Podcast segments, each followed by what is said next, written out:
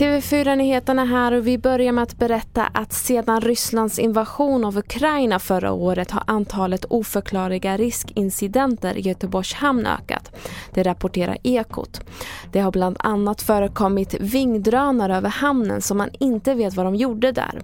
Göteborgs hamn står för 30 procent av Sveriges import och export och utgör en viktig del av Sveriges försörjning och hamnen har nu ökat sin säkerhet.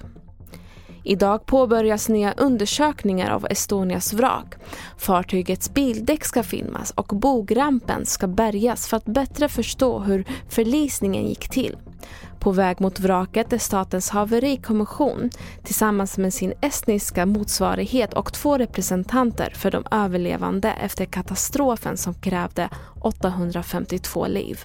Nej men det har ju funnits eh, mycket kritik eh, och skepsis mot den tidigare utredningen och eh, också kritik för, för bristande transparens och eh, vi är ju angelägna om att, att gruppen av överlevande ska få insyn i det arbete vi gör. Det sa Jonas Bäckstrand på Statens haverikommission. Och vi avslutar med Italien som har den dyraste sommaren någonsin. Det rapporterar Dagens Industri.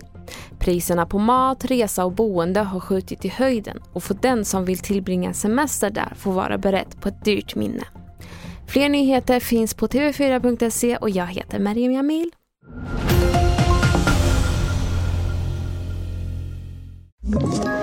Ett poddtips från Podplay.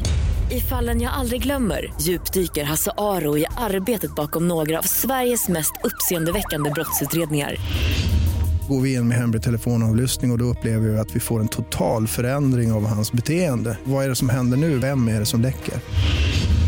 Och så säger han att jag är kriminell, jag har varit kriminell i hela mitt liv men att mörda ett barn, där går min gräns. Nya säsongen av Fallen jag aldrig glömmer på Podplay.